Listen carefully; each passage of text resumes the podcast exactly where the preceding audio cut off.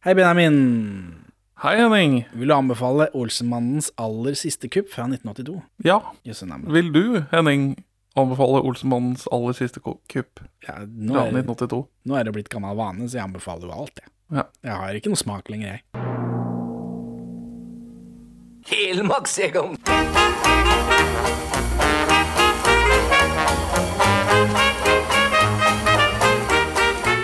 Perla for svin.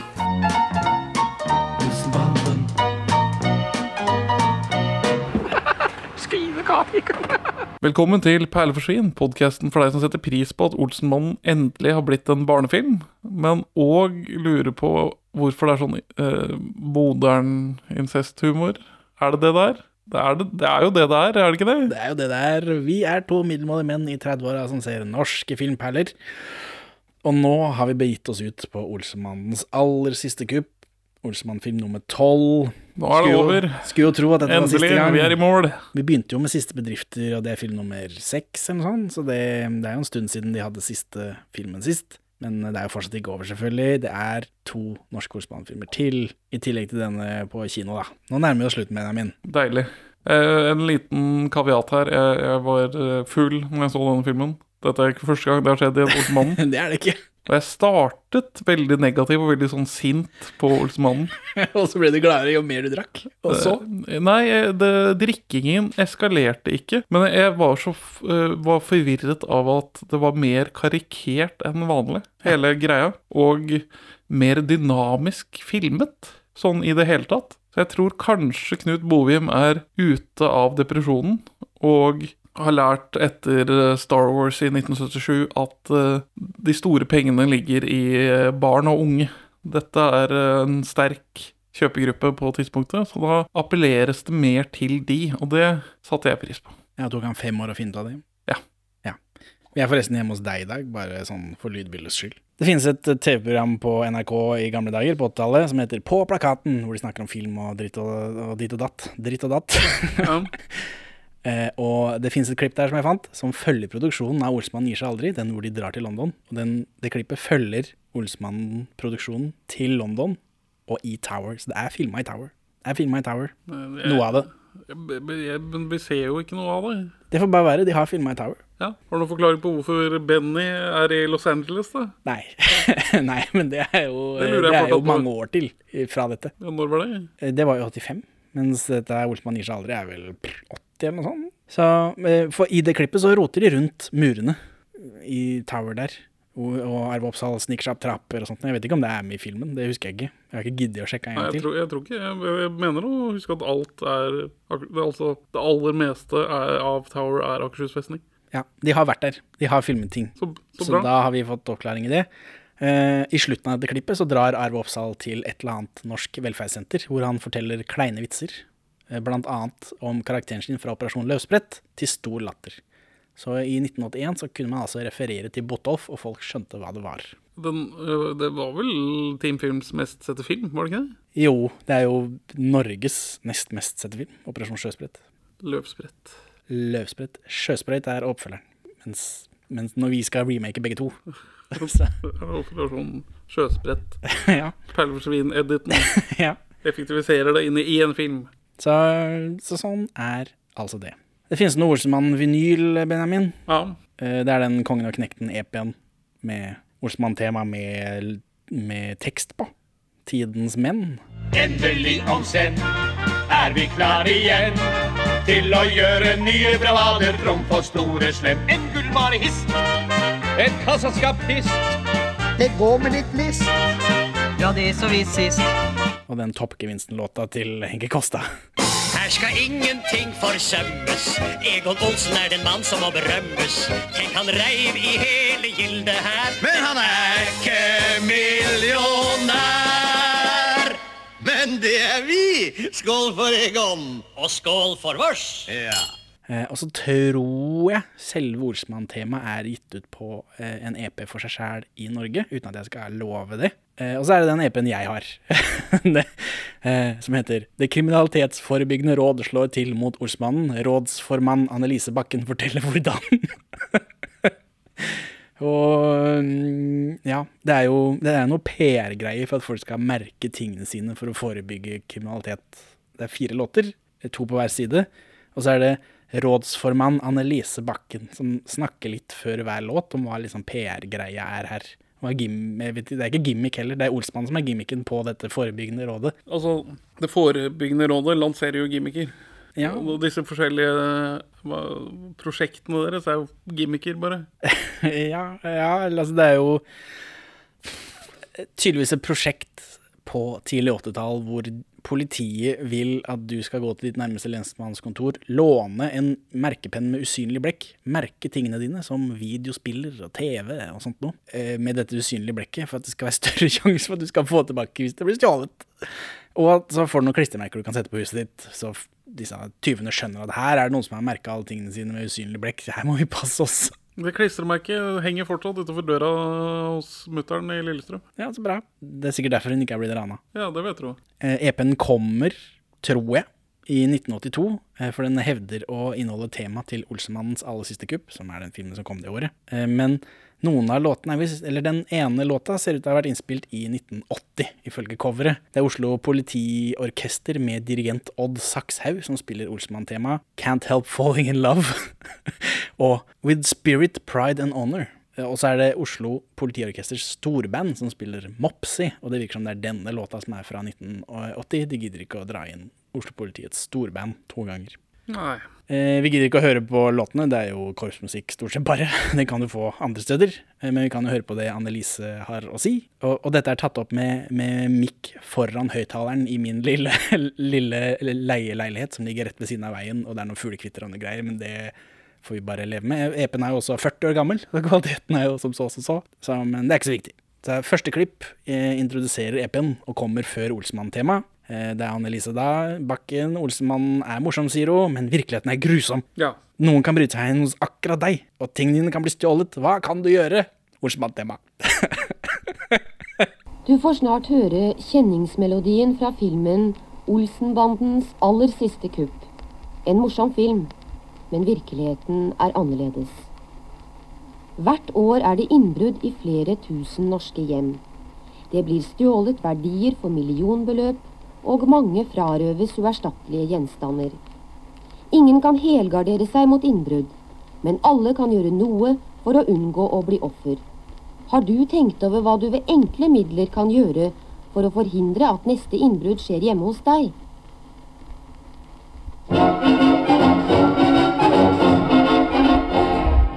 Det, det, det, det, det virker litt sånn rart, dette prosjektet. Ja. Jeg er litt skeptisk til hva de er ute etter å oppnå. Det er jo at folk skal merke Det er derfor at du skal ha gjort noe som gjør at du føler deg tryggere. Mase mindre på politiet. Er det det som er formålet? Jeg vil anta det. Hva annet skulle det vært? Nei, jeg jeg har jo prøvd å se på disse rapportene, og det virker ikke som om de har noen særlig plan utenom å gjøre et eller annet. Ja. ja, vi kommer jo til det. da. De jo forteller jo også om hvordan du låner disse pennene, hva du skal skrive og sånt. noe, Men, og politiet har utstyr til å lese av det usynlige blekket, sier hun også. Wow. Men det går Og, og du skal skrive personnummeret ditt og N for Norge. Så hvis noen stjeler videospilleren din eh, hjemme i Lillestrøm da, med dette klistremerket på døra, blåser i det, går rett inn, tar videospilleren din, skipper den til Polen, og så er det raid i Polen, eh, hvor Interpol da finner denne videospilleren.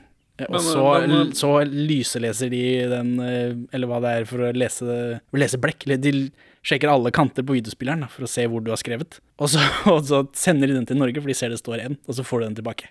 Fordi det personnummeret ditt står på det. Er det, er det sånn det funker? Det virker jo ikke å gi noe mening hvis du tenker på det. Nei. Og så burde de jo nevne at man kan bruke sæd til å lage sitt eget usynlige blekk. da. Så Du kan jo bare runke og så skrive personnummeret ditt i sæd på videospilleren. Vi kan jo høre om resten av klippene hennes og se om hun nevner det. Det andre klippet leder inn i Can't Help Falling In Love, og her får vi tips om hva vi kan gjøre for å sikre oss. Det kan jo hende det er å skrive med sæd. Det kriminalitetsforebyggende råd vil minne om at du selv ved enkle midler kan ta motet fra tyven. Husk at boligen alltid bør virke bebodd når du er borte. Installer skikkelige låser, slik at det blir vanskelig for uvedkommende å bryte seg inn. Og til slutt, merk verdigjenstandene dine.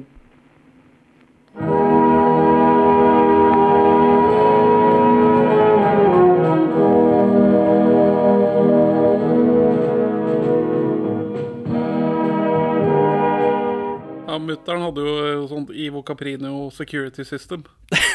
Så Ok. det var sånne, sånne dukker som bevegde seg frem og tilbake og lagde et sånt skyggespill for å få det til å fremstå som om noen alltid var hjemme. Ja, sånn det var et alene hjemme-opplegg. Ja. Ja, men Mora di er jo, hun er jo utrolig godt forberedt, da. Hvis hun har både det satt opp og det klistremerket foran. Skulle tro det holdt med bare klistremerket. Og eh, gjerdet fra ja, Dr. Proktor Plomspulver. ja, for det er jo der først og fremst for å holde tyvene unna. Ja. Ja. Og sad på alle tingene sine! men det er kanskje en annen grunn. Hey, yo. Hei, yo.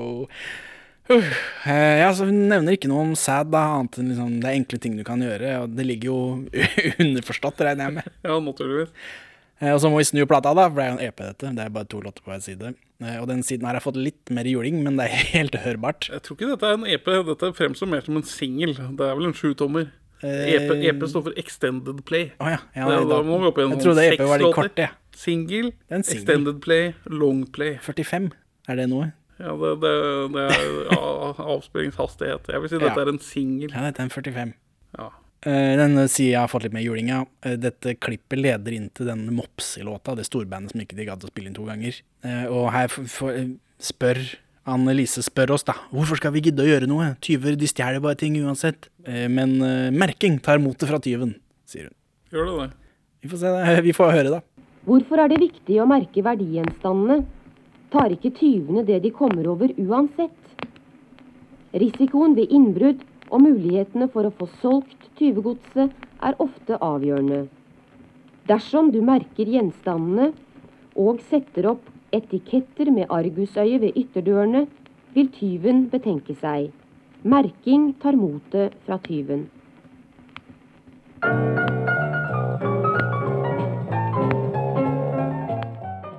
Hvem hvem er, hvem er målgruppa her?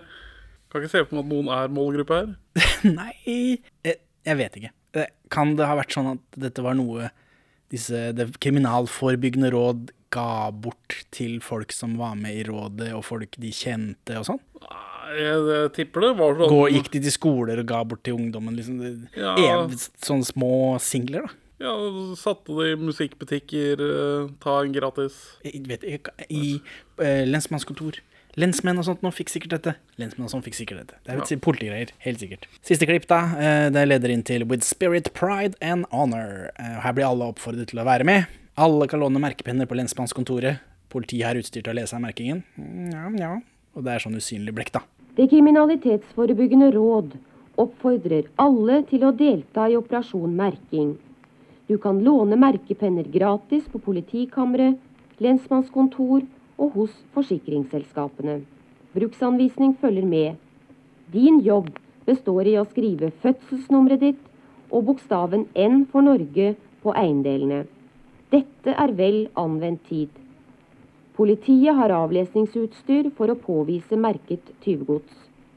Skulle gjenstandene likevel komme på avveie, har du derfor større muligheter for å få dem tilbake. Lykke til!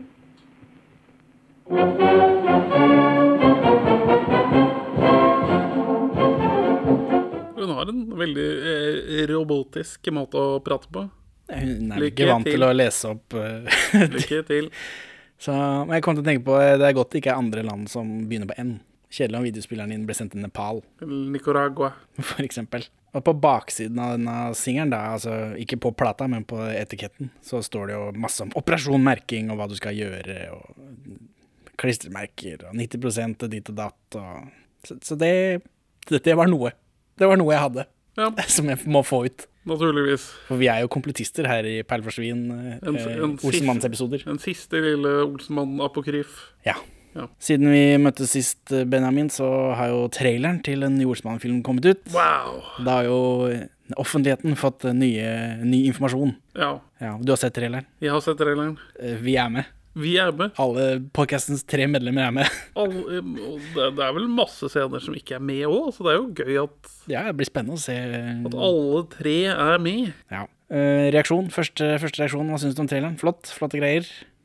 For lite perleforsvin. Jeg noterer meg at i siste skjermbildet jeg syns veldig godt i, så faller T-skjorta mi på en veldig lite kledelig måte. Så jeg tenker mest på det. Men uansett, hva syns du om traileren? Det, det ser sånn noenlunde ut som en Olsenmann-film. Jeg føler egentlig ikke så mye fra eller til, bortsett fra at det er gøy å være med. Ja, ja. Glad for å bidra. ja. Nå har jo verden f- fått se eh, at det er en jentebasse. Ja. Tanker? Eh, pff, jeg har ikke sett noen reaksjoner på det i disse skrotinggruppene. Folk er veldig opptatt av Jon Carew, så Ja. de har ikke tid til noe annet. Det, hans brune ansikt er, eh, det er det, noen det trekkes som, eh, mot som møll. Noen som, som eh, sier de stille delene høyt, men stort sett så går det ikke på det, da. Altså, stort sett så finner de andre unnskyldninger. Ja, og han så- passer ikke bare, egentlig. Det er jo det er jo sånn sp- spesielle folk ofte. Han, de sier bare han passer ikke, uten at de har lyst til å utdype. Ja. Det er også noen som ramler inn som at det er et hån mot de originale filmene. Ja, fordi de vet ikke at de originale er danske. Det er bare du og jeg som vet dette. Eh, Så ingen tanker om jentebasse. N- Nei, hun fremsto som sjarmerende i det virkelige liv. Ja, det virker som det er akkurat det samme som gutte-barnebasse, før han begynte å få barn og sånn. Ja, det fins jo bare én basse, da. Ja. Så det, det, er egentlig, det er egentlig helt fint for meg at de eh, snur verden opp ned og caster jentebassa. ja. Er, er, er, bryter vi taushetsplikten vår når vi avslører at hun heter Bassa? Nei, det driter jeg i. Har du fått betalt, da? Nei, det, det er ikke ennå, men det Nei, er snakk ser om du? at jeg skal få det. Ja. Eh, Valborg er også avslørt. Charlotte Frogner, Hva- mest kjent fra Dødsnø selvfølgelig, men også fra Ja. Side om side. Det er Hun med dreadsene i Dødsnø. Ja, er det hun der? Derfor jeg Ja. Nei. Nei, ingen tanker. Nei. Eh, Det blir, Hun er eh, jo hakket eldre enn enn Kjell, og det, det, og det kunne jo vært noe, da. Vi får jo gjen- Det gjenstår Ja. å se om det er noe. Men hun hun har ikke den der besteforeldreutstrålingen som Aud Schønmann har fra dag én i Ja, men det, Olsenmann. jeg skjønner Man ser jo supergammel ut uansett hvor ung hun er. Ja, Er det positivt eller negativt? Eh, jeg vet ikke, men det spørs vi- vi- Jeg vet ikke nok om rolletolkningen hennes. til På å- traileren så ser det ut som hun er eh, plagsom dame, og det er jo Valborg ofte. Ja, det er vel brandet hennes. Ja. Helt ålreit. Helt passe. Hermansen, ny Hermansen. Sverre Wiberg er død for lenge siden. Det var veldig, begynner å bli- begynner å bli noen år siden, det. Ja, 96, tror jeg. Ja. Jeg kan huske han som en stemme på Barnetimen for de minste. Så jeg har levende Sverre Wiberg i, i min minnebank. Men eh, nå er det Vidar Magnussen, også fra Side om side. Eh, Hermansen fra Bergen. Tanker? Men eh, det, det, han, ja, han virker som han pass, kan passe Hans eh, måte å være morsom på, å spille stiv morsom, det, ja, det, det tror det fungerer. Lisa Tønne som skurk. Bøtta. Tanker. Det, barnefilm. Det virker som en barnefilm. Det er, Hva heter det? Det var det motsatte av ableism. Hun er jo lam i halve trynet. Eh? Få folk som er lam i halve trynet, frem. Ja, og så, og så har filmen to av iransk herkomst med. Eh, Jøss, bare i traileren. Ja, meg og Lisa. Å ja. Stemmer. eh, premiere 2. september. Passer det er det, det er vel i Olsensk ånd, det, eller? Ja, det er et, eh, rett etter sommerferien. Jeg vet ikke når sommerferie er. Jeg har ikke barn i- på skole, men eh, Jeg tror eh, første skoledag pleier å være sånn typ 18. august. ja. Ja, ja. Når jeg fikk melding av deg om at nå er faktisk traileren ute, etter at det hadde vært litt sånn luremusing i en 24 Ja. timer på hvorvidt traileren var ute eller ikke Ja, l- mer enn det. Og VG, eh, blockbuster på VG, sier at nå er traileren her, og så har de et intervju med Vidar Magnussen. Men traileren er ikke her. De har fått traileren på forhånd, og den kommer etter helga, traileren. det, det, det, det, Da tolket jeg det som om traileren var her, men det var den ikke. Ikke bare er det clickbait, men det er også feilaktig clickbait. Jeg vet ikke, jeg tror ikke Det var, det var jo ikke Løgnaktig. overskriften, det var bare en del av, av den to minutters videoen. Faen for noe piss. Overskriften var om Vidar Magnussen, at det, da ble jeg sint på ordentlig. Men så fort jeg fikk beskjeden, så sa jeg 'Barn, barn, samle jer! Far er blitt eh, omformet til levende bilder! Sett dere rundt, så fyrer vi opp TV-en'. ja, Ja, det, det, barna Slo det an? Ja, det, det var mye eh, action, synes jeg. Ja. Så, så de deg, da? Eh, nei. Så de meg? Nei. Så ja, og jeg skal, har tenkt å bringe, medbringe hele familien på kino, faktisk. Hmm. Ja, ja, så det er det. Traileren er ute. Det var Benjamins reaksjoner på traileren. Da skal vi snakke film. Eh, ja, altså Denne filmen kommer jo i 1982. Ja. Det, I 1981 så kommer det to danske Olsenmann-filmer. ja. Fordi Det det, er et var sånt, det er et sånt jubileumsår for eh, nordisk film. Olsenmannen double feature, liksom. Ja, Og Nå holder det med ordsmannen, nå orker vi ikke mer, sier alle de som er med. Eh, en skikkelig sånn Vi går ut på topp, nå blaster vi ut, full salutt. To ordsmannfilmer på et år. Så eh, i denne uka så skal vi, har vi sett Olsmannens aller siste kupp. Neste uke så må vi se en dansk film, og uka etter der så må vi også se den andre Nei. danske filmen samme året. Så nå blir det tre på rad. Og så eh, må vi ha en film fri eller noe sånt nå, en uke fri eller noe sånt, og så må vi se den siste liksom, norske av de hovedfilmene. For den kommer i 1984, så den er jo da De siste av hovedfilmene, altså den- the det er original det siste, run. liksom. Original 13, da. De, den siste. Nummer 14 er jo bare 'Å, vi er døende'. Det er, liksom, det er humoren i alt. Ja. Det, det- for dette her er jo Her er det jo gått ganske radig. Mens For jeg antar, eller det er jo umulig å vite, vi har ikke sett de danske, at denne filmen er liksom tar elementer fra de danske. Altså de to foregående danske. Og så vet jeg ikke hva den siste norske gjør. Jeg har ikke peiling. Om den også tar rester Jeg har ikke peiling. Når vi lager den nummer 13, så er det tre år siden siste gang det var en dansk film. Så lang tid har det ikke gått før. Oi. Og, men Altså- film nummer 14 kommer året etter det- den danske film nummer 14. Så denne er basert på to danske, Jeg gjetter det, men jeg vet ikke. og Jeg har ikke sett den så, danske. men den neste norske er basert på Vet ikke. Kanskje det er det et originalmanus? Det er dette jeg har, Men det er- det er dette jeg har tissa i to år snart. Det er ikke noe dansk film mellom de, dette danske paret og norske nummer 13? Nei. Så den, ok. Og så lager danskene igjen 14. Ja, I 98, vel, og så kommer nordmennene i 99, da, for vi kan ikke bare la den forbigå. Veldig, veldig merkelig. Sånn er det. Så, men det er da det er min plan, så får vi se da om vi klarer å holde oss til dette. Men planen er nå at det blir tre Olsmann-film- tre Olsmann-uker etter hverandre. Det er litt eh, slitsomt for både lyttere og for oss, men sånn må det nesten være, tror jeg. Ja. Det gir ikke noe mening å ha opphold, liksom, og så se resten av den halve. Dette er, eh, De to danske filmene er sånn Ringenes herre-opplegg at jeg tror de hører sammen. Ja. Tror jeg. Vi har ikke sett de. Vi vet ikke. Hvor mange så denne på kino? da? Den norske Olsmannens aller siste kupp. 480 000. 514 000. Som resulterer i 8 173 267 kroner. Det er Rent tap. Vi kom for seint. Han er kommet ut her. Det var det jeg sa. Den går ikke fort, denne kjære her. Det er ikke noen F-16 i den, ser du. Her er flagget.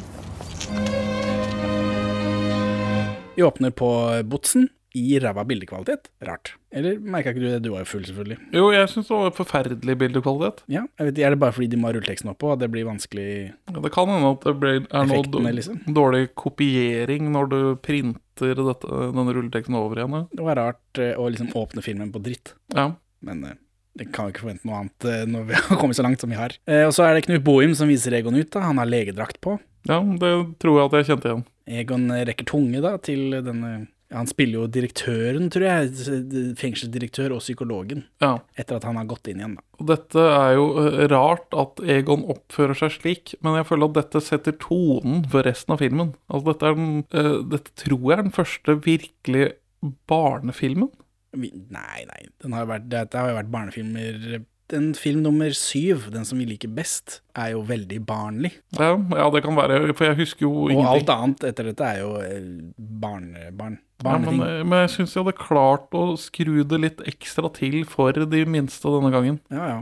Men det, det kan være bare fordi at foto og alt egentlig er litt mer dynamisk. Det har vært mye flate, kjedelige shots etter hvert. Ja, for her har jeg notert det et eller annet eh, På et eller annet tidspunkt så sitter de lang, rundt bordet sånn som de pleier, og så beveger kameraet seg. Ja, det er en jævla Jeg så det. En zoom! eh, Eller de flytter eh, Han, han, kameraet. han- han går og filmer på en gang, og så trekker det ut til en shot. Og det er veldig mykt og pent gjort. Er det skorkeke vi sitter og ser på her? Jeg eller? vet ikke. jeg vet ikke. Eh, Benny og Kjell kommer for sent. Benny sier at bilen ikke er en F-16. Og dette kom igjen det, F-16-fly går gjennom gjennom hele filmen. Var det noe nytt i 82? Eh, Ja, det tror jeg. Jeg tror det er da vi får dem. Du vet ikke det, du som er Ja, det- eh, i- Ja, men, eh, militærekspert. 1982 høres ut som F-16 i Norge-året, men eh, jeg, det er hva jeg husker fra når jeg nøla på F-16 en gang på 2000-tallet. Nå skal vi prøve søkeverktøyet Hotbot.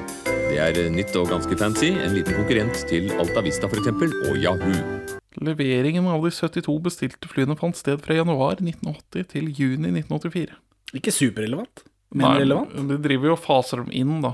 Jo, men det har jo vært en film eller to allerede. I, for her er det mye mas om F-16. Er det det? Ja, det dukker opp tre ganger. Ok. Rule of three. Oh yeah. Men det er bare det er sånn throwaway-linjer tre ganger. Ja. Så jeg trodde det var noe, men eh, ja, ja. Eh, Kjell har flytta tilbake til kampen da, fordi Obos ville ha husleie. Kontinuitet. Eh? Ja, For før så bodde den sist, sist film så bodde de i leilighet, Obos-leilighet. men nå er vi tilbake til der det skal være. Det, og det, det, det Ikke bare det, vi er også tilbake på For eh, før denne Obos-leiligheten så var vi, hadde vi også feil bakgård i en film. Og nå har vi riktig bakgård, men feil trapp. Vi har mm, eh, Kjell og Valborg bor nå i naboleiligheten, der hvor Edith Kalmar bodde, i Kongneknekten. Ja. Så de nevner det ikke, men jeg antar at Edith Kalmar har flytta ut, da. Ja. Og de har fått flytte inn i den igjen. Hva skjedde med saneringen av kampen, egentlig? Eh, gikk over, da? Jeg vet ikke, det sier ikke noe om. Ja, det var flere ja, Det var vel sånn at den Det saneringen huset står jo der ennå. Ja. Hjemme. Eh, Egon har jo da hatt det for jævlig på Botsen, sier han. Det har kommet en ny direktør som er psykolog, og vi flytta han til sånn psykologisk avdeling. Eh, så han, eh, han vil aldri mer i fengsel. Han trekker seg. Dette er jo veldig endelig, denne filmen. Ja. For når vi har sett i episode 100, så er den derre eh, God kveld, mitt navn God aften, mitt navn er Jon-programmet. ja. Jeg husker jeg ringer noen bjeller hvor de synger. Olsmann synger litt. eh, Jeg har planer Jeg har øl Jeg har Valborgs ville brød. og gelene Vi er dømt å holde da Vi blir æreskjelt i blad. Vi lever For Egon skal vi slåss Så lenge det går blod igjennom oss Der snakker de jo om at liksom siste filmen og så videre, eh, men er det egentlig den siste filmen? Ja, de truer med å lage en film til, fordi den tegneserien har så veldig god historie. Det, det er vel i 82, ja.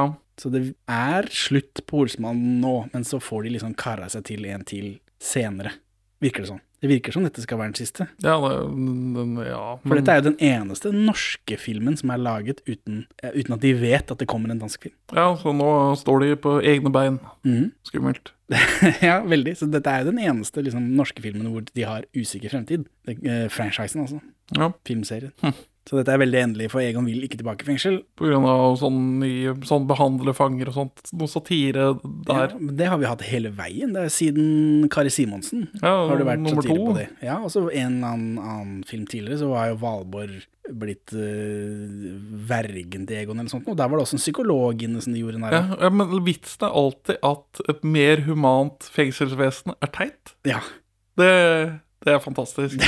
det tiltaler mannen i gata, vet du. Ja, ja. Veldig sånn Frp-velgerlogikk. Ja, eh, og nå var jo du drita når du så dette, men er det noe rar eh, Lydbåndet, er det rart her? For det kommer noe sånn jeg hører, De prater, og så hører jeg dialogen veldig svakt eh, et halvt sekund etterpå. Det høres ut som de har på radioen i bakgrunnen, det har de jo ikke da. Men det, er liksom, det, hø- det går alltid sånn summespor i bakgrunnen, som er dialogen bare et halvt sekund bak. Det er veldig tydelig i disse hjemme hos Valborg-sekvensene. Og så var det noe inne på ved politimester eller Holm og Hermansen der også. Dette er vårt siste kupp. Vårt aller siste. Og når vi er ferdig med det, så trekker vi oss tilbake. Ja, men for pokkeren, hvordan? Hva skal vi gjøre da?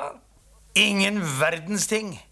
Vi skal leve lykkelige resten av våre dager. Jeg reagerte vel på noe rar lyd, men ikke sånn nok til at jeg gadd å prøve å finne ut av det. Nei, det var pussig. Så, Men eh, han Egon vil jo ikke i fengsel lenger, som sagt. Åssen har du tenkt å unngå det, spør Benny. Jeg har en plan, sier Egon. Så ja, det, merkevaren står sterkt. Ja, ja. Eh, Valborg og Kjell har sølvbryllup snart. Valborg kjefter og ordner. Og da, og da er det det er masse rundt det jævla sølvbryllupet. Og det er det, nå er det sånn spesifikt at alt eh, sølvtøyet skal pusses, for det skal brukes til å feire sø- sølvbryllupet. Som om det er en greie. Ja, er det, ikke, er det ikke en greie å bruke sølvtøy når man har stor selskap? Jo, men her er liksom greia at siden det spesifikt er sølvbryllup, som om eh, når de skal ha diamantbryllup eh, Så spiser de av diamanter. ja, Papirbryllup, det har du feiret allerede, tror jeg.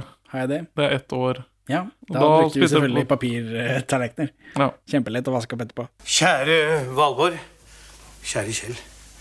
Når jeg kommer i disse omgivelsene og hører de glade stemmene deres, så er de akkurat for meg som å komme hjem. Eh, Egon tar av seg lua og holder en takke- og avslutningstale. Igjen så er det veldig mm, Det er avsluttende, dette. Det er jo vanlig hvis man liksom avslutter en filmserie og har en skikkelig fest. At liksom nå, For her bygger du jo opp mot dette Ja, Hvilke filmserier er det som har avsluttet med en fest? ja, eller, ikke, Marvel. Ikke nødvendigvis ja, men De avslutter aldri. Ikke nødvendigvis festa i gåsetegn. Nå gjør jeg sånn hermetegn i lufta. Men liksom at det bygger opp mot en tilstelning. At man slår på stortromma på et vis? Ja, noen skal gifte seg, noen skal få barn. eller sånn, Det bygger opp mot noe. Mens her er det dette sølvbryllupet, da. Jeg syns ikke det Det, nei, det føles som en rar måte å markere det på. Ja, egentlig. Men eh, Egon tar av seg lua, holder takke- og avslutningstallet, spørsmålstegn. Og her igjen da, så sier- snakker de om de siste tolv årene, så de har ikke kjent hverandre før den første filmen. Er det første gangen de møter hverandre? Er det når de liksom tripper over gata der med, sånn, eh, med finlandshette på? Høyt henger dem, og surt lukter dem. Egon er så takknemlig, da, så han skal betale for hele dette sølvbryllupet. Det lover han på tro og ære. Og de skal besøke Norges største forsikringsselskap, Høye Nord. Ja. Og her kommer det noe, ganske, noe danske klipp, det er garantert. Biffen er med også. Garantert bare tatt rett ut av det danske. Denne logoen til Høye Nord er jo den Nordisk Film Isbjørn-logoen. Er det det der? Det er det. det er det. Er det derfor det er så mye isbjørn? En av de jeg så denne filmen med, eh, i denne fyllekalaset rundt en Olsmann-film, kjenner de som eier den isbjørnen som er utstilt, eller noe. Oi, oi, oi. Så eh, han har vært hjemme og sett den isbjørnen. Å, ok. For det er et, eh, familieklenodium for denne familien. Ja. Hvem er det som har skutt den, da? Eh, Bestefar eh, eller noe annet. Ja, men man, jeg hadde sett for meg da at eh, dette flotte eh, venteværelset til kontoret til Alf Nordvang, som spiller Bange-Hansen her, at det bare at det sto i Danmark et sted. For der var det isbjørner, og det så dyrt ut, liksom. Og det fine glassvinduet bak der. Det kan hende vennen min er full av dritt. Det kan også hende. Det finner vi ut av eh, enten neste uke eller uka etter her. Ja. Veldig rart om Danmark skulle ha lånt en isbjørn fra Norge. ja, det er sant. Ja, det skjer ikke. Eh, Alf Nordvang driver med snusk, selvfølgelig. Det er han som spiller Bange-Hansen, som er sjefen i Høye Nord. Eh, Og han blir holdt under oppsikt av politiet. Ikke første gang han er med i Olsmannen. Det er ikke det, for han spiller jo Helmer i denne Olsmann på sporet. Så Helmer, politimann Helmer eksisterer, samtidig som Bang-Johansen også eksisterer. Om ikke det er samme person. Ja, han lever et dobbeltliv. Ja, Det får vi jo vite øh, når vi har sett alle Helmer og Sigurdsson-episodene. Politihuset, da. Holm er glattbarbert nå. Det er Skuffende. Øyvind Blunks reise i Olsmann-universet har jo vært bare mindre og mindre ansiktshår. Ja. Det er litt sånn trist å se hvordan, det liksom, hvordan eh, ansiktshåret til Blunk bare forsvinner hen, film for film. For det begynte med veldig aggressive skinnskjegg og barter, og liksom det så klovnete ut. Og så gikk vi ned til bare en bart, og nå er det altså ikke noe. Han er helt glattbarbert. Og Hvis ikke jeg tar feil, så er dette siste gang han er med òg. Trist. Men ja, han svant vel hen uten barten, da. Kan hende at det var liksom at han, han som Sams, Samson dro sin eh, kraft fra eh, håret eh, Ja. hans i ansiktet. Eh, Hermansen kommer da tilbake eh, fra sykepermisjon, altså med P, på sykepermisjon. For Ja. Han som koko i huet peker på huet hans. Ja, for han- han- Var han sist i Canada? Nei, det var filmen for der igjen. Herregud. Der, eh, sist, sist vi så han, så ble han slått ned av en tanks. Ja. Og, men filmen før der sånn, så dro han jo til Canada med masse millioner, og så var han bare tilbake uten at eh, vi Vi glemmer det jo selvfølgelig, for alt dette er jo bare glir sammen. ja. Men de nevner ikke filmen heller. Så, men Holm har da fått stillingen til Hermansen, eh, og Holm har fått Høye Nord-saken, og den saken vil han ha selv, for det er en stor sak som er eh, nær ved å løses. Og selv om Hermansen er blitt kalt liksom, tilbake på grunn av den saken, Han har blitt satt til å assistere. ja. Egon syns eh, Alf Nordvang han er for høy på strå, mens nestsjefen hans, nestlederen hans, som spilles av Ivar Nørve, som vi har sett penisen på til, i Kosmetikkrevolusjonen i episode 12, Mhm. Eh, han, Ivar Nørve, har snuska til seg masse svarte penger som han har lagt i en koffert, for han skal nå f- rømme landet. Han er lei. Eh, han rømmer landet til Paris på diplomatpass, til og med. Fancy. Bare nevne det at Ivar Altså, det er en karakter i denne norske filmen som skal dra til Paris, men ikke kommer seg til Paris. Mens i Danmark så er det mulig de kommer til Paris, Så det var jo- fordi de har penger i Danmark. Ja. Eh, men han skal jo da ta med seg kofferten dagen etter da, og dra til Paris, så da er det en koffert med penger et sted. Egon vet om dette. Det vil jo hjelpe på å filme i Paris hvis man er en del av det indre fellesskapet i EF, da. Sånn skattemessig. Mens i Norge så blir det mye mer kukkete da, å dra til Paris. Ja, ja, ja, og dyrt og kronglete, og det trengs jo ikke heller, for vi kan jo bare gjøre alt dette i Norge. Men så alt dette Alf Nordvang-greien og politigreiene og sånt, og det har ikke noe med bandene å gjøre, egentlig. Nei. For de er bare interessert i pengene til nestlederen hans, til han som har hakket under, hans svarte penger. Ja, for han driver med noe snusk. Jeg husker ikke hva det var, men det er ikke så nøye heller, fordi... 750 millioner kroner våpensalg. Det var det jeg fikk med meg. Ah. Ja, det er senere. det er noe annet. For da begynner de å blande inn Alf Nordvang. Nå er det bare svarte penger han har snuska til seg et sted og lagt i en koffert. Og mens Egon forteller dette, så beveger kameraet seg med en sånn dynamisk zoom. Det er jo helt eh, Det er utrolig. magisk. Og vi får mye mer nærbilder av ansikter og reaksjoner. Og Ja, ja. Penga er i en Frans Jæger, og Kjell blir overrasket over at det fins flere av dem, så her er det også kontinuitet for en gangs skyld, selv om de hadde glemt et par filmer, at ikke det fantes flere etter Data-Harry. For å utføre dette kuppet så må Benny stjele fotoboksen på Østbanen, ja, og han setter inn et Kodak-apparat. Jeg vet ikke om det han vil øh, bare gli rett inn der, nei. Vet ikke. Men igjen, Østbanen. Det er mye mer Østbanen enn eh, enn jeg hadde trodd i norsk film. Ja, og, Spesielt teamfilm. og dette er jo ikke første gang vi er i en fotoboks i Olsmann heller. Det er det heller Og ikke. nå får vi et veldig tett nærbilde på den øh, duppedingsen til øh, Benny. Ja, Så det, nå, nå skal vi eh, i Perleforskjell begynne å reprodusere den og selge den i vår nettbutikk. ja, spørs om Eggmont syns det er greit. nordisk film, De som eier nordisk film, de, jeg tror de har noen strenge advokater. Litt strengere enn eh, enn våre i, i eh, podcast-imperiet. Uh, Kan fort være. Eh, og så stjeler de et Klassekampen bare sånn rett fra en kiosk, ikke noen kupp, det er bare der er det et Klassekampen, vi stjeler det. Eh, og så på kvelden så bruker banden en fiskestang til å fiske en rakørret gjennom vinduet på en fiskebutikk. Og det med Kjell da på skuldrene til, eh, til Benny, og dette For dette blir veldig barnefilm igjen. Ja, men det kuppet her føles jo veldig norskt ut. Her er det liksom, det er ikke noe oppfinnsomhet. Nei. det var bare sånn ville jeg gjort det hvis jeg skulle gjort det. Ja, Rakørret eh, lukter visst vondt, Det er og Kjell detter langt ned. Veldig langt ned. Så langt at jeg antok at dette, nå har han vondt i ryggen resten av filmen, dette er et plottpoeng? Nei. Nei, men vi får jo det, vi får jo det klippet av han faller, og så tar det lang tid, og så får vi et klipp av eh, Karsten Myhre som selv- selv- ruller seg rundt på bakken. ja, det, Men dette, dette, dette er med på å etablere hvor tegneseriete universet er nå, da. Altså hvor det er økt i barnerettingen, da, at så grov kroppslig skade kommer Kjell veldig, veldig lett fra.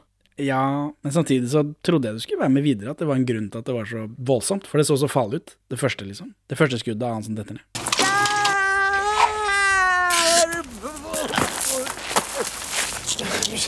Så er det random shot av Roddhuset, som ikke har noe å si. Nei, Hvorfor det? hvor- dette er en del av Oslo-trilogien. Pff, Ja, det, eh, ja, ja, 14, jeg vet ikke hva det er for noe, ja. 14-ologien. Så sitter biffen i vaktbua, og banden goosewalker forbi, og så legger de denne rakørreten mot lufteluka på den vaktbua. Og biffen tror da at bikkja har prompa, og så jager han den bikkja. Og bikkja- se- bikkja- Den bikkja der, den får kjeft i virkeligheten. Den ser så skamfull ut. ja, ja, ja. Og den bikkja der sånn, den har ikke forlatt Danmark, for å si det sånn. Det har den ikke. Og det gjenbrukes vel ett klipp her to ganger. Eh, ja, det, det kan stemme. Eh, men- og mens biffen eh, lufter ut, da, eh, etter at han, denne bikkja har prompa, så sniker mannen seg forbi. Og så er det Alf Malland og Hans Kølle, som er vaktmann ved skjermene der. Så han har faktisk kølla, da, sikkert. Ja, det er ufint, da. Han som har lidd sånn som vaktmann, han har jo blitt skutt. Ja, at det er Som PTSD vaktmann. på settet til Olsmannen, det er Og banden her kommer Høye Nord driver med forsikringer. Her kommer banden inn. Alf Malland og Kølle hans sitter der. Alf Mallan in the role of a lifetime. Det er altså det er jo sånn, hva heter det, metode Det er absolutt. Det er liksom, det skal gå inn på psyken å være skuespiller. Eh, han- Alf Mann sitter der, og så spør han hei, hei, hvor skal dere hen, liksom? Og så sier banden at de er fra Lysverket, og de kommer for å skifte noen forsikringer. Eh, Du, eh, hmm, ordspill! hmm, Dette er jo et ekte ordspill som fungerer. Ja. Du, er bare, du anerkjenner bare dårlige ordspill som ikke fungerer. det er korrekt. Sånn er jeg. Ok. Jeg er eh, tobarnsfar. Men du syns ikke det var gøy i det hele tatt? Jo da, jeg humret litt. Jeg humret eh, Jeg er litt for å oppgitt. skifte noen forsikringer. Fra Lysverket. Hvor skal dere hen, da? Vi kommer fra Lysverket for å skifte noen forsikringer. Banden legger Klassekampen ved lunsjen til Alf Nordvang. Så det er nesten som i Danmark, dette er lunsjkødding og Ja, jeg får litt sånn flashbacks. Inne i Nordvangs eh, forværelse så ser Kjell rar ut. De klapper på et sånt uh, isbjørnskinn, og så, og så er det ikke helt opplagt hva som skal skje, men Kjell ser veldig Det er et nærbilde av ansiktet til Kjell, det tror jeg ikke jeg har sett noensinne. Nei, nei, det, det, det, Og han ser veldig rar ut. ja. Og så viser det seg at det er fordi de banden skal tvinge Kjell, eller Det blir Kjells jobb å ta på seg dette isbjørnskinnet og skremme sekretæren, så hun svinger av. Svimer av. Hvordan går det med suspensjonen av din av vantro, Henning? Det er dårlig! Det er dårlig. Det er, det er barnete, som du sier. Eks- Altså, det, dette er jo en dette er en økning i barnetehet. At planen er at Kjell skal kle seg ut som en isbjørn. Men samtidig så har hun en isbjørn stående rundt hjørnet. Så det er Ja, ja, men går den an minner lite ikke så grann. veldig mye om dette, denne skapningen som Nei, men hvor Kjell mange blir. isbjørner er det du liksom omgås om dagen, da? Nei, det blir jo ikke så mange, da. Nei, nettopp. Så det er noe der samtidig som det er veldig barnete. Inger Teien, forresten, hun spiller jo sekretæren her. Hun er med i masse Olsman-filmer, jeg har bare ikke nevnt henne ved navn. Hun lever ennå, eh, ved innspillingstidspunkt. Vi har sett henne i Folk flest bor i Kina. Hun prøver å kjøpe lodd av eh, Sylvi Listhaug, Ja. Det husker jeg når du sier det. blant annet. Hun er med i eh, alt fra eh, De dødes tjern til eh, langt opp på 2000-tallet. 2020-tallet, til og med. Hun var, hun var med i en TV-serie sist, så jeg. Hun fortjener å nevnes. Så når den sekretæren svimmer av, så tar de liksom nøkkelen, da, og så tar de seg inn i hvelvet, hele banden. Eh, Og Benny tar bilder ved overvåkningskamera med dette f- fotobokskamera, så- som da printer bilder, som er Ja. tydeligvis nytt og fantastisk. De har ikke polaroidbilder Da- du på har- 70-tallet. Nei, på 80-tallet. Ja, du har- 82. Nei, de hadde jo fotoboks allerede på tidlig 70-tall. Ja, skulle jo tro de hadde polaroidkamera, men samme det. Men, ikke bare, men Den De er jo printer- så små, de, så det holder ikke. Han, han tar flere bilder, og så må han lime det sammen mens de står inne i Er rommet. det det han gjør? Ja, for det, det bildet han har til slutt, er jo mye større. Ja. Så han- det syns ikke så godt i filmen, men jeg så det på det bildet han hadde til slutt. Og så holder han det opp der foran kamera, liksom. Og så. Og det ser ut som det er tung jobb, for han må bare stå der og holde Ja, du blir litt sånn lang i armene av det, kan jeg tenke meg. Egon får opp skapet, og han tar den lille røde kofferten, eller han tar den røde kofferten, mannen tar altså hatten i respekt for kofferten. Hva var dette? Eller fordi det er siste kuppet? Ja, jeg tror det er det at det er noe som Nå er det slutt, liksom. Dette var siste gangen vi åpna en, eh, en safe. mer episk nå, liksom. Samtidig, ja. Og da går det Benny har jo ikke stått rolig i hele denne sekvensen i det hele tatt, men det har ikke vært noe stress, selv om dette er, Han har jo tatt det ned og tatt det opp igjen. Alf Mallan sitter her med kølla si, han, er- Ja, han har ikke lagt merke til det. Nei, nei, nei. Det lager jo litt suspens. Og så kommer lunsjen til Nordvang, da, og han blir griseforbanna av denne eh, kommunistavisa, og tvinger da sekretæren sin til å løpe ned for å få tak i en anstendig avis. Her kommer det et stikk til Dagbladet. Ja. Hva er det Dagbladet har sagt om Olsmannen før? Det, det, det har vel bare vært en av de eh, anmelderne som har vært mest negative til de. Men jeg så ikke noe sånn spesifikt at eh, Dagbladet hadde noe spe... Noe bitende kritikk? Nei. Så når den sekretæren er ute, da, så legger Egon til nøkkelen tilbake, og, og så er de ute. Nå er de millionærer, og så videre. Film slutt. Nei da. Nei da, selvsagt ikke. For nå skal Ivar Nørve hente denne kofferten. Og i bilen så feirer de, da. Benny sier helmakse. Dette er det mest helmakse jeg har vært med på. Det ble feil. Han utvider betydningen av ordet, da, eller bruken av ordet. Ja. Og så er Ivar Nørve og Alf Nordvang eh, sammen på kontoret der, og de finner da ut at den advokaten i fengselet må ha sladra, og Holm får masse mapper i denne saken, eh, Høye Nord-saken, da, fra økonomiavsnittet. Og Hermansen sier at han har fått alt dette fordi etaten må spare ti millioner på grunn av Alta-aksjonen og Reksten-saken, som koster så mye penger. Alta-aksjonen, det har du hørt om, regner jeg med. Det kommer en film snart. Jeg jeg kjenner noen som var med på den, faktisk. Reksten-saken. Vet ikke jeg bare. Hilmar August Reksten var en norsk shippingmagnat som ble etterforsket for skatte- og valutasvindel, men ble frifunnet i syv av åtte punkter, men måtte betale én million i bot for å ha unnlatt å erklære 13,6 millioner på selvangivelsen i 1973. Ja, Det var ikke helt dagsaktuelt, da. Eller tar det bare lang tid å få den gjennom rettssystemet? Hvem vet når denne saken var? Det tar jo litt tid, stort sett. Eh, Holm er fornøyd da med at han har fått denne saken personlig, og Nordvang finner jo da, Alf Nordvang og dem finner ut at det er Egon Olsen da, som har fått høre dette av den advokaten som satt i fengsel, og så videre. Og hjemme hos Valborg så skal de feire, dette var jo siste kupp og greier. Egon skal sette kofferten i en bankboks med en gang, så den ikke blir borte. Lurt. Han har lært av sine feil. Ja, og ikke- Karakterutvikling. Ikke bare låse den inn tilfeldige steder, Ja, eller bare- putte den i en Putte den i en kommode. kommode sammen med Bedford-diamantene. Eh, og Kjell vil være med fordi han skal liksom kjøpe pels til Valborg, det er jo sølvbryllup og greier. Men han får ikke lov av Valborg da, fordi hun er en bitch. Ja. Og Egon eh, går ut, da, og da får vi se at det er riktig bakgård med en feil eh, leilighet. Eh, det- For Eddie Kalmar har vel flytta inn i en Obos-leilighet, hun også. Sikkert Ja, ikke men- flytta tilbake. For Egon går ut, og så er vi inne i leiligheten sammen med Benny, som ser da at Biffen slår ned Egon på gata. Så her er vi effektive. Ja, da, dette, har- men dette har vel skjedd i et par filmer på rad nå. Eh, At han blir slått ned, ja. Men nå står vi, vi er et annet sted og ser dette. Jeg følte det virket nytt. Ja, det Vi var, er ikke med Egon og blir slått ned. nei, det var mer dynamisk å se det fra en annen, perso- øh, annen karakters perspektiv, istedenfor at han, vi ser han bare blir båret vekk senere. Eh, Benny kaller han tjukken i vakta, altså biffen. Ja. For ikke biffen. Nei. Danskepølse, som jeg har sagt i barndommen. Det var He- Henke Kolstads Mester Hansen kalte han danskepølse. Jeg tror det er derfor jeg har f- fått det. Når har han blitt kalt Biffen i det hele tatt? Nei, men jeg vet ikke.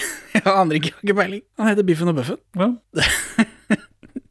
Jeg vet ikke hvor det kom fra. Jeg må, da må vi nesten høre gjennom alle podcastene våre og så sjekke om hvor det dukker opp først. Om det dukker opp i det hele tatt. Eh, Biffen tar jo med kofferten opp til Ivar Nørve, da. For han skal ha tilbake kofferten sin.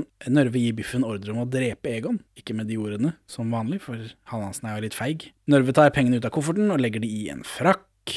Og så er det Benny og Kjell, for nå Biffen setter jo da Egon i denne vaktbua, i Mm. påvente av eh, drap ja. antar jeg. Så Benny og Kjell eh, de drar til den vaktbua. De fyller vaktbua med snikkfisken igjen. Gjenbruk av rekvisitt i samme film denne gangen. Den er jo ikke så imponerende.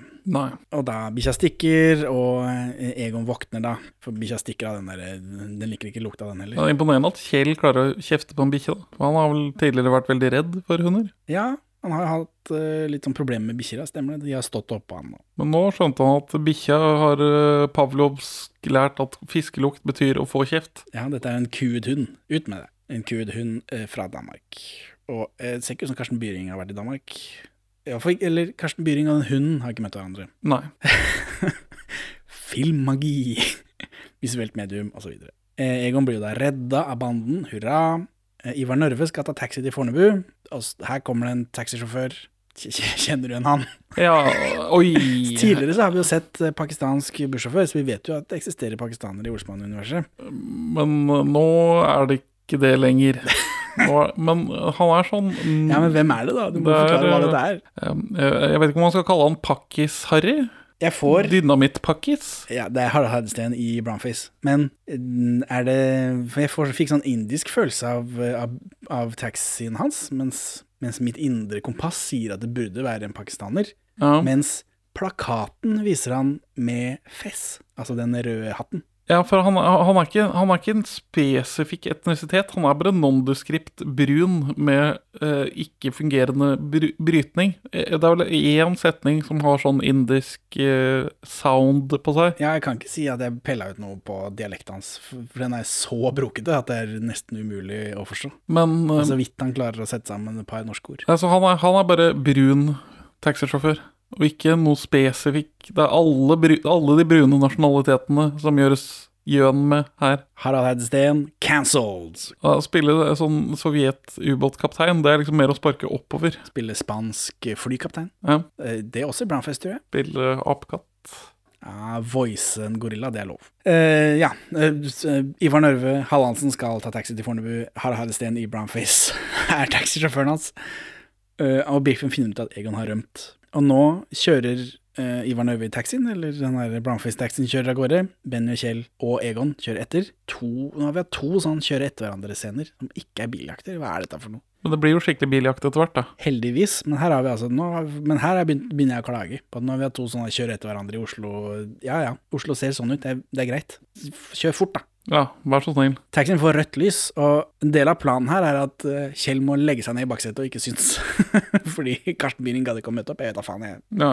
Eh, Benny spør om veien til Slåssparken, spør altså Harald Heidesteen i Brownface om veien til Slåssparken, og mens han holder på med det, så sniker Egon seg ut og tar lufta ut av dekket. Eh, Og folk driver og tuter, og Benny later som han ikke får start på bilen, så Harald Heidesteen og Ivar Nørve er ute og dytter bilen til Benny. Og da, eh, mens de holder på med det, så sniker Egon seg inn i taxien, så tar han jakka og kofferten. Hvorfor tar han jakka? Ingen som vet. Det, men Det er der pengene ligger. Jo, men det vet ikke han. Nei.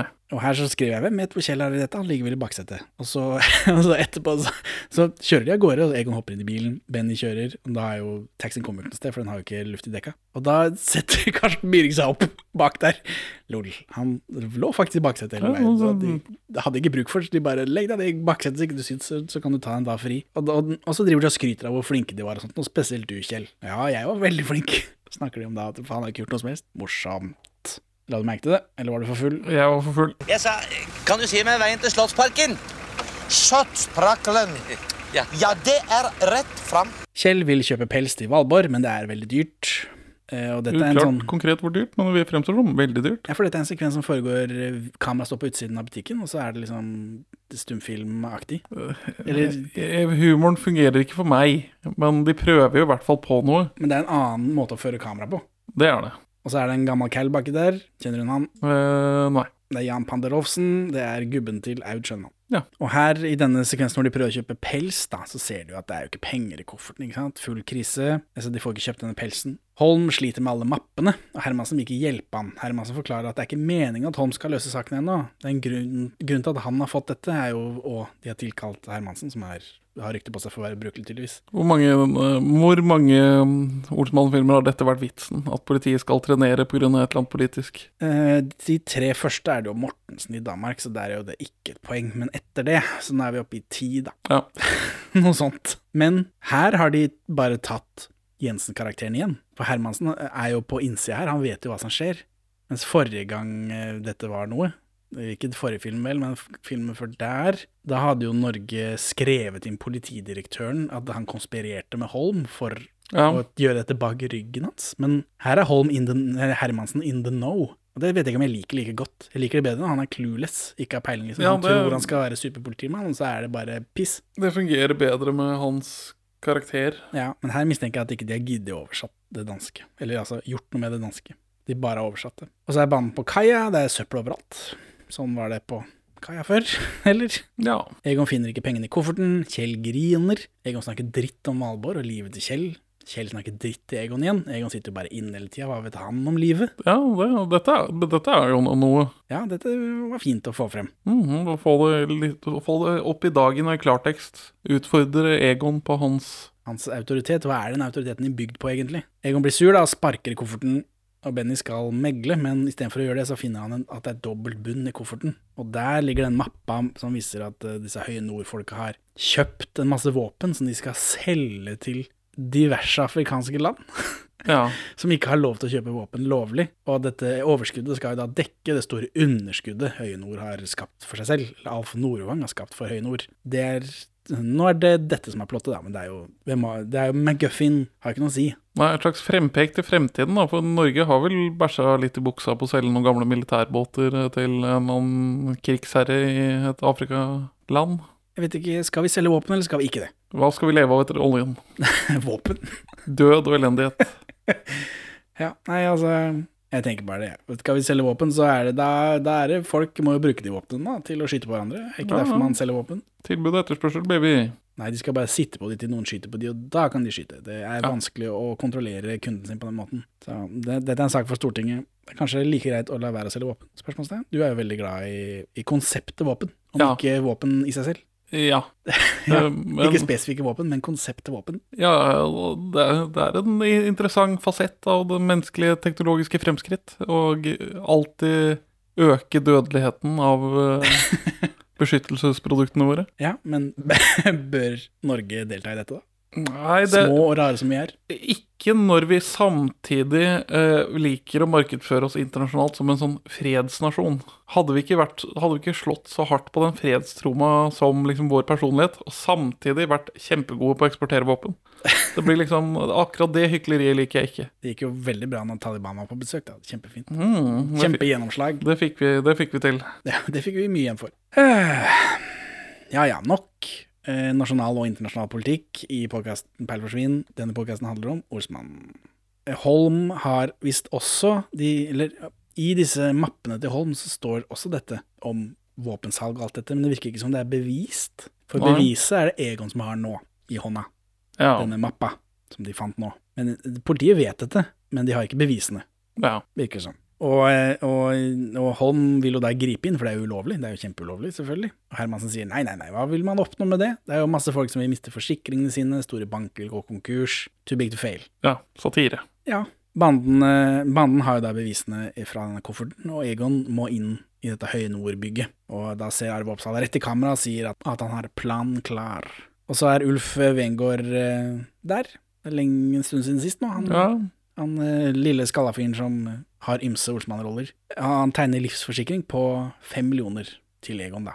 For Egon har bestilt seg en livsforsikring på fem millioner. Og så går Egon da inn til Alf Nordvang, eh, og han kommer da med kofferten og sier se her, jeg skal ha fem millioner for disse bevisene. For Han skal, det, er det, de- de skal ha fem millioner, de prøver han, han, eh, han skal gi seg. ja han prøver Et bare siste å kupp. get out clean. Yes. Og Biffen skal til å slå han i hodet, men Egon sier app, app, app, trenger ikke. Det, han har tegna denne forsikringen, livsforsikringen på fem millioner, så det lønner seg faktisk ikke å slå, slå han i hjel. Prisen blir samme uansett. Morsomt. Samtidig så har han ikke lest den lille skriften da, som, er en, som ser ut som en del av, eh, av pynten på arket, Ja. hvor alle, alle unntakene står, da, så det er eh, inkludert hendige uhell. Så da han blir jo klubba i huet, da. Tende uhell. Ja. Kjempegøy. Og Biffen tar med Egon til Arsenikkveien, hvor Kristianias syrefabrikk tydeligvis ligger.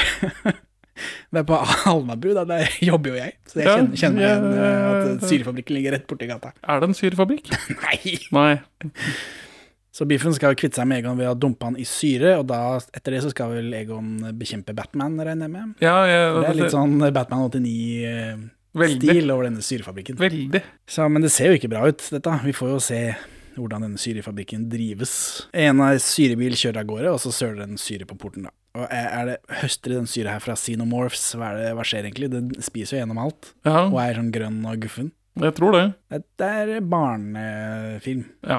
Egon våkner eh, i den Det er enda en vaktbud, da, selvfølgelig, som Biffen har satt han i.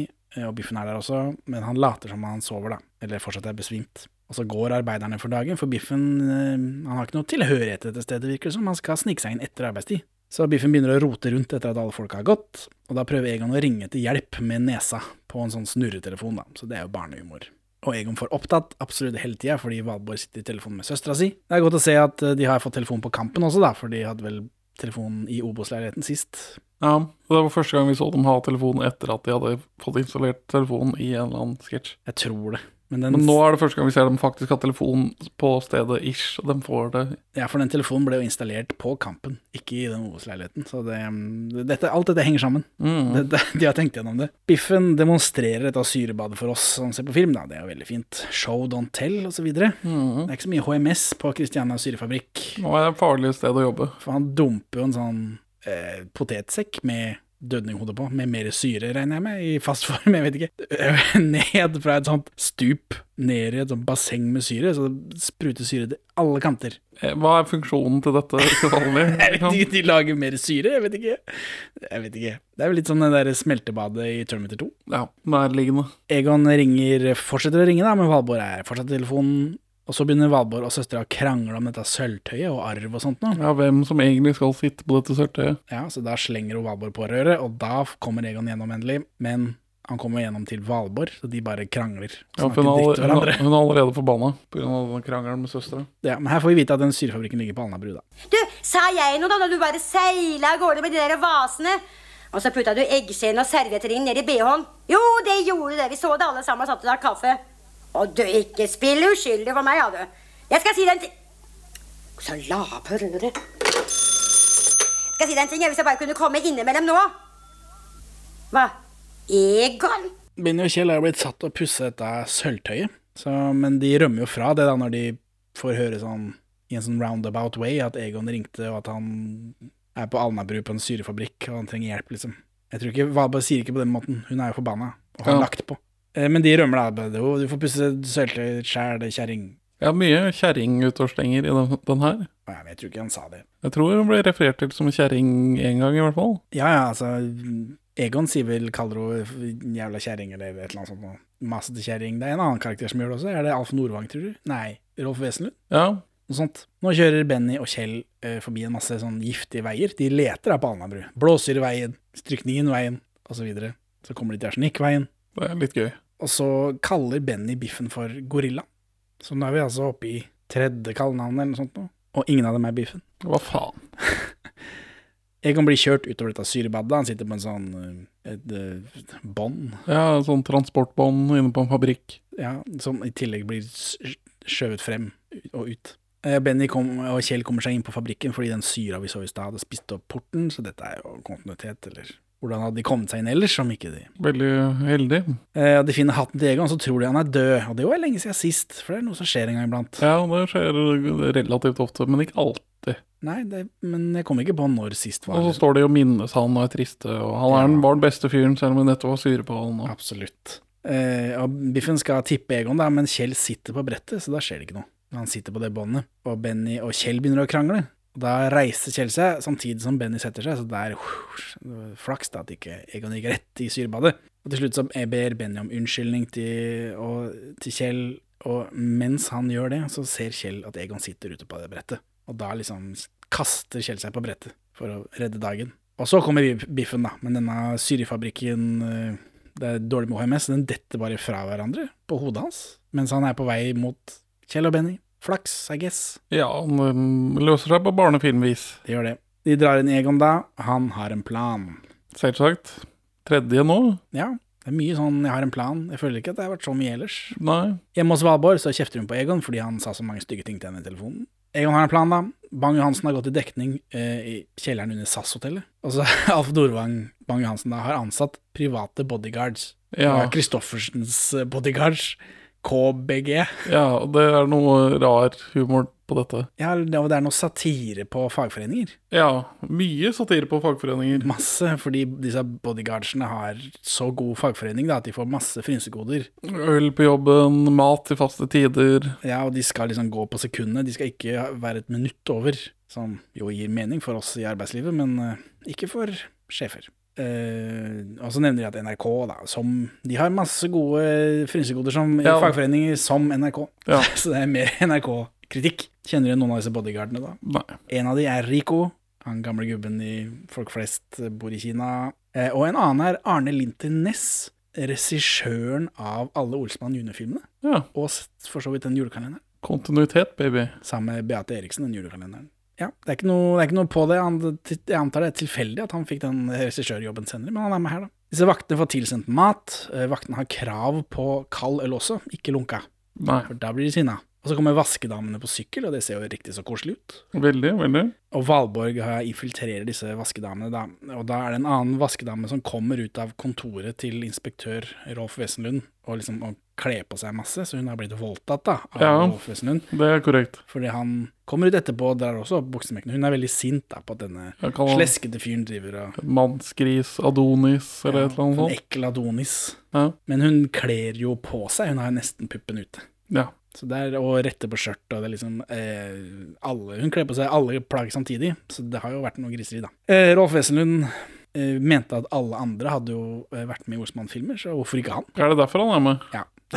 så, men så fikk han denne rollen her, da, heldigvis. Hvor han har lyst til å ligge med en eldre dame. Ja, men ikke så gammel. For Han tror, Arvo, han tror at Egon er en veldig gammel dame som han ikke vil ligge med. Ja. Hun er stygg i tillegg, da. Men, han- men, han- men han sier spesifikt til Ed Schønemann at han at, eh, Ja, han sier det her. ja. En eldre dame. Men nå er ikke, jeg tror ikke jeg skjønner om han er mer enn 11 eller 9 år eldre enn Rolf Wesenlund. Nei, selv nei, om men han hun spiller mora refererer hans. til en ja, modne Fleksnes. damer vil vi ha inn her. Ja, ja, men det Og så prøver han liksom å Han prøver å Karret. vold- voldta henne litt òg, da, sikkert. Ja. Ja. Jeg, jeg syns det var veldig tydelig at han gikk til angrep på moderen. han klipper den i rumpa og liksom. Ja, ja, Han er ja. en fæl fyr. Men hva, hva er det her for noe? Det er hum humor, da, fordi sånn, For de spiller jo vanligvis mor og sønn. Å, ja, ja, men Du må ikke henge deg opp i det. Folk skuespillere kan spille Ja, forskjellige ja, men det blir roller. veldig rart når man har to som er så godt etablert. Det, det føles som man driver gjøn med deres fast dynamikk. Det kan hende de gjør det også, men eh, jeg som ikke har sett Fleksnes på 15 år Ja, jeg, jeg mm, gruer meg. Ja, Allerede. altså, vi må jo ta den, da. Men eh, det Nei, jeg forbinder ikke Eller selvfølgelig gjør jeg det, men eh, i denne settingen så forbinder jeg ikke det. Først og fremst med det. Jeg hadde det i bakhodet fordi det er gøy, men ikke noe. Ja. Det var verre det at han skal drive og At det er humor at han holder på som han gjør. Ja, det, det har gått litt ut av tiden. Denne seksuelle trakasseringen og den Impliserte voldtekten. Ja, for hun kler på seg alle klærne samtidig. Hun Ja. har jo vært naken. Ja, og er misfornøyd. Ja. Så er det Egon i drag. Det pleier å være Kjell. Ja, Eh, Kjell har vært i drag to ganger. En gang med Egon nå. To forskjellige dragger er på Egon, så han Ja, ja. gjør opp for det. tar igjen. Og Wesenlund vil, eh, vil ikke voldta Egon fordi han er for stygg, men Valborg er grei, da. Så de skal sjekke om det er, stø om det er sug i støvsugeren inne på kontoret hans. Ja, det er noe puleordspill Ja, det er her. noen sugegreier, da. Ja, ja. Overraskende eksplisitt eh, til å være denne barnefilmen der. ja det, det, det passer ikke helt inn når eh, barnefilmkarikatyren har blitt skrudd til 100, og også ha med et sånt sub-6-humorplott. De hadde jo ikke skjønt noe av det, regner jeg med. Støvsuger, de skal bare sjekke om det er s- s- Sug i støvsugeren. Noe for de voksne som har fulgt barna til filmen. ja. Men Benny ringer da til Wesenlund midt i denne sjekkinga, og Wesenlund har et lekeblad på bordet. Det, hva- Åssen var reglene på det igjen, da? Det, var jo, det er ikke lov med porno i Norge, så de måtte sette klistremerker på alle kjønnsorganene og mye Ja. dritt, da. Men det meste er jo bare gitt ut som direkte mykporno. Jo, jo. Eh, og t- mens han holder på i den telefonen, så, driver, så tar Valborg og suger denne hovednøkkelen med støvsugeren. Det hadde vært lettere bare å gå bort og ta den, spør du meg, men eh, sånn er nå det. Eh, og inspektøren Wesenlund blir med da den ene bodyguarden med lunsjen opp, for da har Valborg tydeligvis stikket av, da, etter det. Disse bodyguardene får hver sin lunsjpakke, og så tar de opp denne ølflaska, og så er det noe synkron ølåpning, som, Ja. er, som er noe å se på, og så spytter de ut der, for det er ikke øl, det er Donald-brus, det er det verste som fins. Når de finner ut at de ikke har øl, men Donald-brus, så tar vaktene et fagforeningsmøte med en gang, og da stikker de, for de skal ha fagforeningsmøte. Humor. Det er Fredriksson fabrikkhumor. Ja. Valborg roter rundt da, og skal liksom vaske på ordentlig nå, og ødelegge for Egon. ja for hun, er, hun blir sur av hvor skittent det faktisk er. Ja, og Egon har rumpa til kamera, og Wesenlund kommer og grabs him by the pussy. Grabs him by the fucking busy, ass. Han bare- Han tar sånn bowlinggrep i rasshølet på Egon. Uhøflig. Men når han ser hvem det er, da, så går han videre da, for å finne noen andre og tafse og voldta. Men Han liker jo fortsatt ikke Arve Oppsal i drag. Egon i drag. Egon låser seg inn til Alf Nordvang, som ligger og sover i sånn oldtimey gullgraverpysj. Ja. Som han gjør. ja.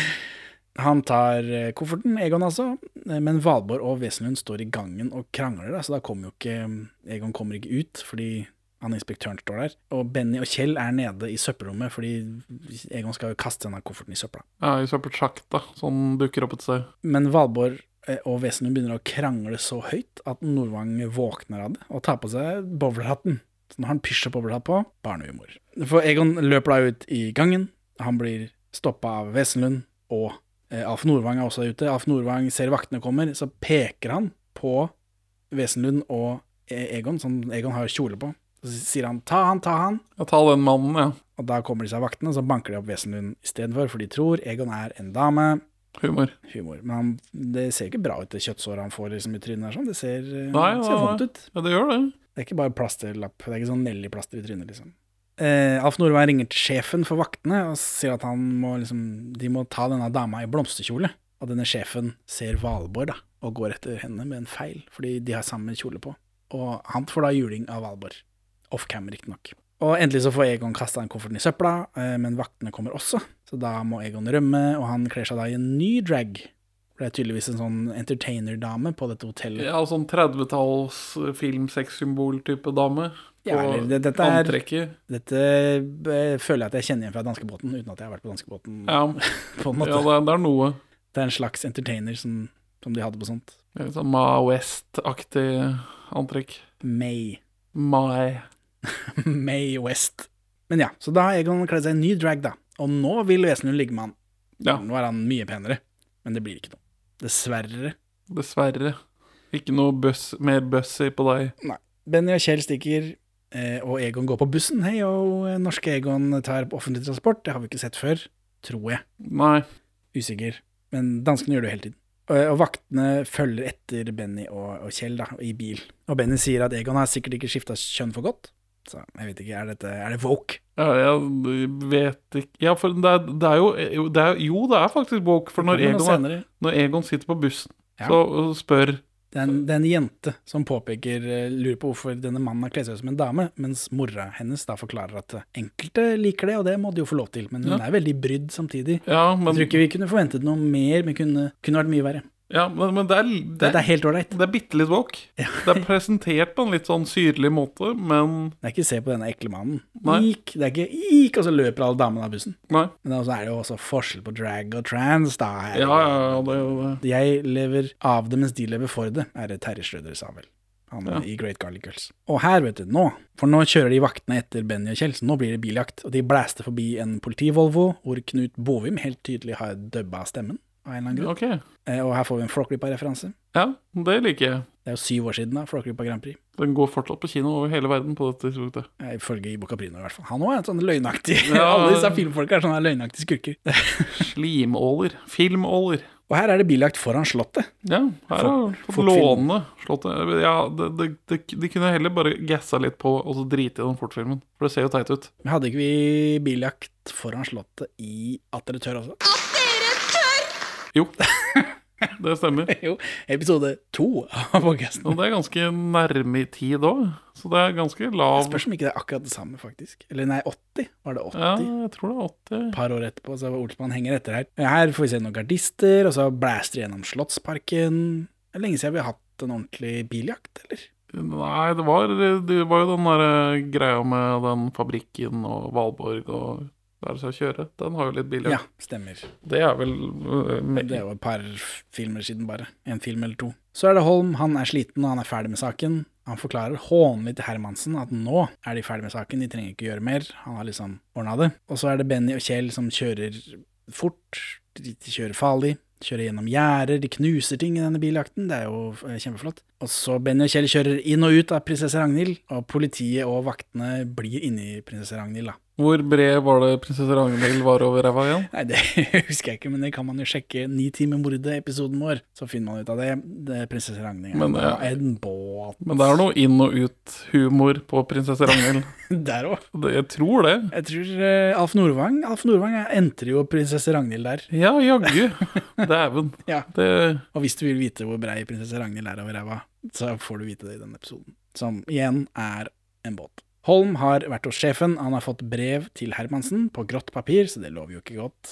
Hermansen er kuttet ned, han blir førtidspensjonert. 30 års relativ tro og tjeneste. For han har ikke vært helt jobb Nei. hele veien. Morsomt. Og nå er det 30 år, da. Før så har det vært 20 og 25 og sånt Ja, de nå. har telt feil og frem og tilbake. Eller før så har det jo telt fordi Eller før så har det jo vært feil fordi det har vært to forskjellige danske karakterer. Mens denne Hermansen Spørs om ikke dette er i kontinuitet, uten at jeg gidder å det, sjekke. det hadde jeg overrasket meg. Han har sagt 25, tror jeg, og, da, og det er jo brått fem år siden. Ja, Hvem veit? Jeg tror ikke det er så langt unna, i hvert fall. nei. Hermansen er sint. Nå skal han ta alle disse torskene som han har latt slippe unna, alle disse høyt på strå-folka. Og s- spesielt skal han kjefte på statsråden. Men så ringer statsråden. Hun vil snakke med Walter, som da viser seg å være fornavnet til Holm. Kjempegøy. Vi fikk endelig vite hva fornavnet til Holm er. Ja, men det er vel gøyere da. Han er på fornavn med statsråden igjen, så det virker som de, liksom, de har noe på gang, da. Ja. Mona. Mona, ja. Mm. Noen du kjenner? Snakka vi om henne sist? Nei, her? tror ikke vi har snakket om henne før. Det er Mona Røkke. Hun var justisminister fra 1981 til 85 for Høyre. Hun sto for HVPU-reformen, blant annet. Den eh, Og Kjønnsvorter og sånt? eh, Nei, HVP? Ja. Eh, Nei, det er den hvor de la ned alle institusjonene fordi psykisk utviklingshemmede skulle bo Ah. hjemme og sånn. ja. eh, på 90-tallet, da, og så hadde hun kreft mye, så hun ble kreftens ansiktshusstad. Eh, Men eh, i 2001 til 2004 så var hun medlem av Klagenemnda for film og video, som er det mest rela- relevante for oss. Ja, det vil jeg tro. Hun døde i 2013 eller noe sånt. Sikkert av kreft, det klarte jeg ikke å finne ut av, det sto ikke. Jeg Skulle, skulle jo tro det hvis hun hadde Ja, men det skulle jo tro at de kunne skrive det også, da hun, for hun fikk kreft for andre gang i 1985 mens hun fortsatt var minister, og ble liksom en sånn Jøss, det går an å, å være et ekte menneske og fortsatt ha kreft. På 80-tallet, liksom. For da var det vel tabu, det, da, som alt annet. Ja, På ja. 80-tallet. Så en skulle jo tro de nevnte det, da, om hun hadde dødd av kreft.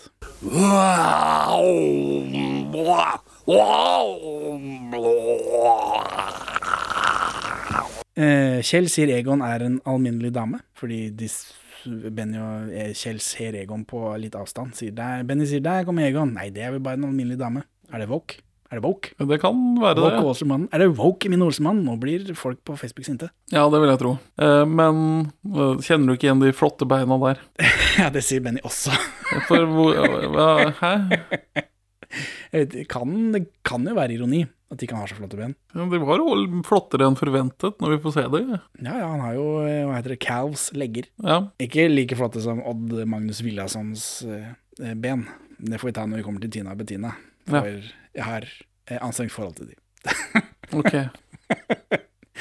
Mannen skal levere en av kofferten til politiet da, for eh, finnelønn, som er 10 Og det, den, den avtalen var jo 750 millioner, så det blir 75 millioner. Det skulle jo holde. Det skulle en jo tro. Jeg vet ikke om det er helt sånn det fungerer. Nei, men de er jo ikke de skarpeste knivene i skuffen, disse folka. Men vel inne eh, i huset så har Valborg forlatt Kjell og dratt til søstera si, og da klikker det for Kjell. Ja, for nå tror jeg han hun har forlatt meg, og så ble han helt fra seg. Ja, det blir ikke noe sølvbryllup og greier, bla, bla, bla. Og så kommer politiet, det er Holm eh, og greier. Egon vil gi kofferten til justisministeren personlig, men han blir arrestert for å ha stjålet en rød koffert, og for å ha satt verdensfreden i fare.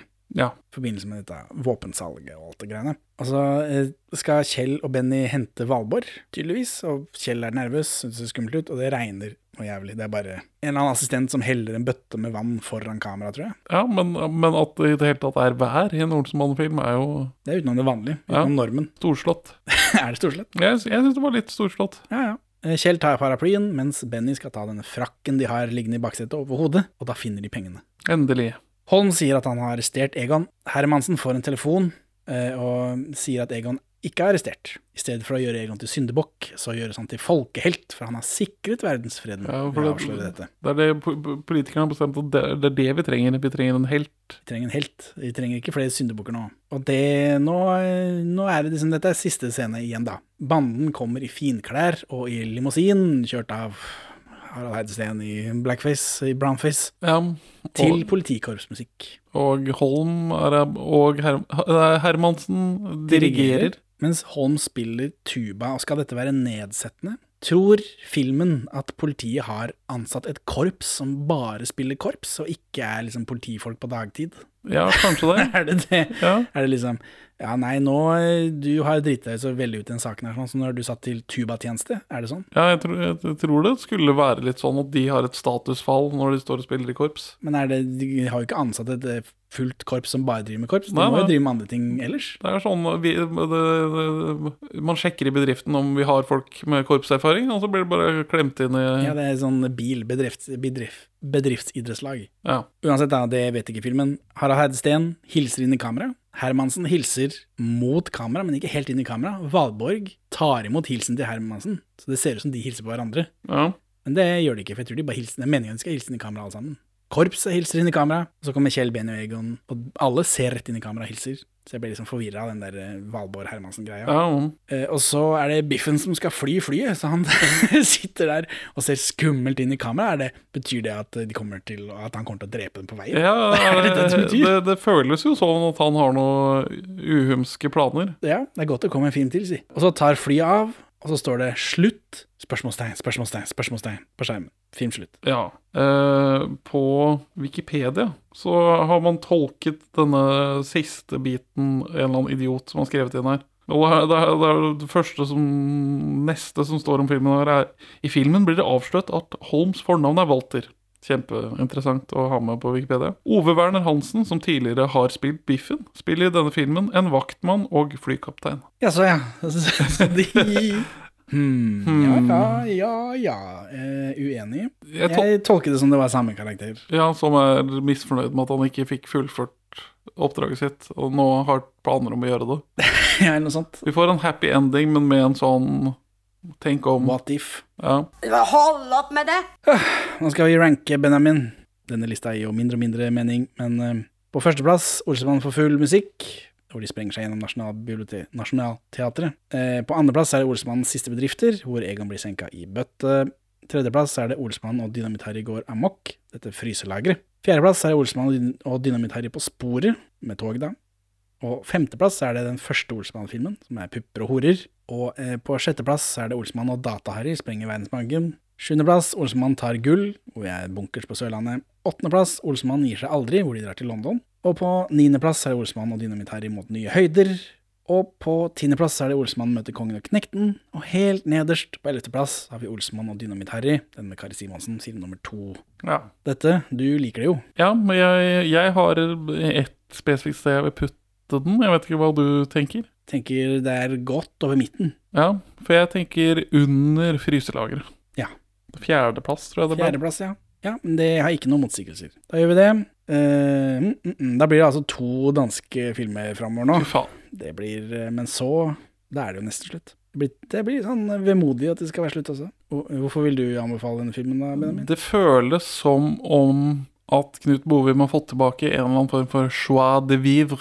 Og vil, Lyst på livet. vil et eller annet. At det ikke- ikke bare er å trykke penger. Og At det, at det, føl- ja, det, det, det er et eller annet mer juicy som gjør at jeg dog, selv om jeg kjeder meg stort sett, så jeg har denne driv sammenlignet med tidligere filmer. Jeg syns det har vært ganske dårlig nå, en del filmer. Selv om det alt flyter sammen, så jeg vet jo ikke hva som er Nei, jeg kjenner, jeg kjenner jo på det. Så hvorfor vil du anbefale denne, Henning? Nei, men det er helt eh, ålreit. eh, det er- blir litt sånn den første, eller det blir litt sånn den for full musikk. At det er masse barnlige ting som skjer, eh, men det er gøy å se på det som skjer. Så vet jeg ikke om det henger helt sammen, sånn som du sier, men eh, eh, ting skjer, og det var helt greit. Jeg var underholdt av det som skjedde. Mer enn i de andre, ofte. Så ha det bra, Benjamin.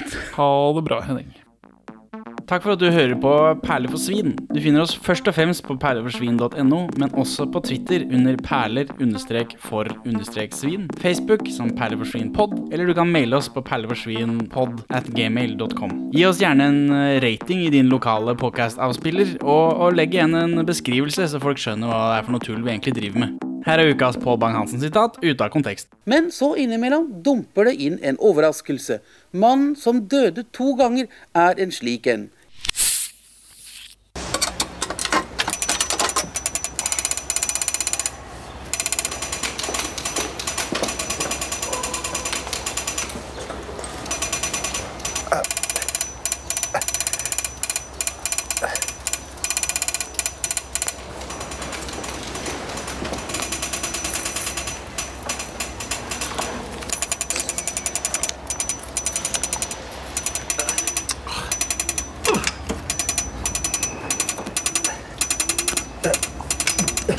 Er ikke det vanlig når man har vært naken med en kvinne, at de er misfornøyd etterpå? Jo, for så vidt. For så vidt.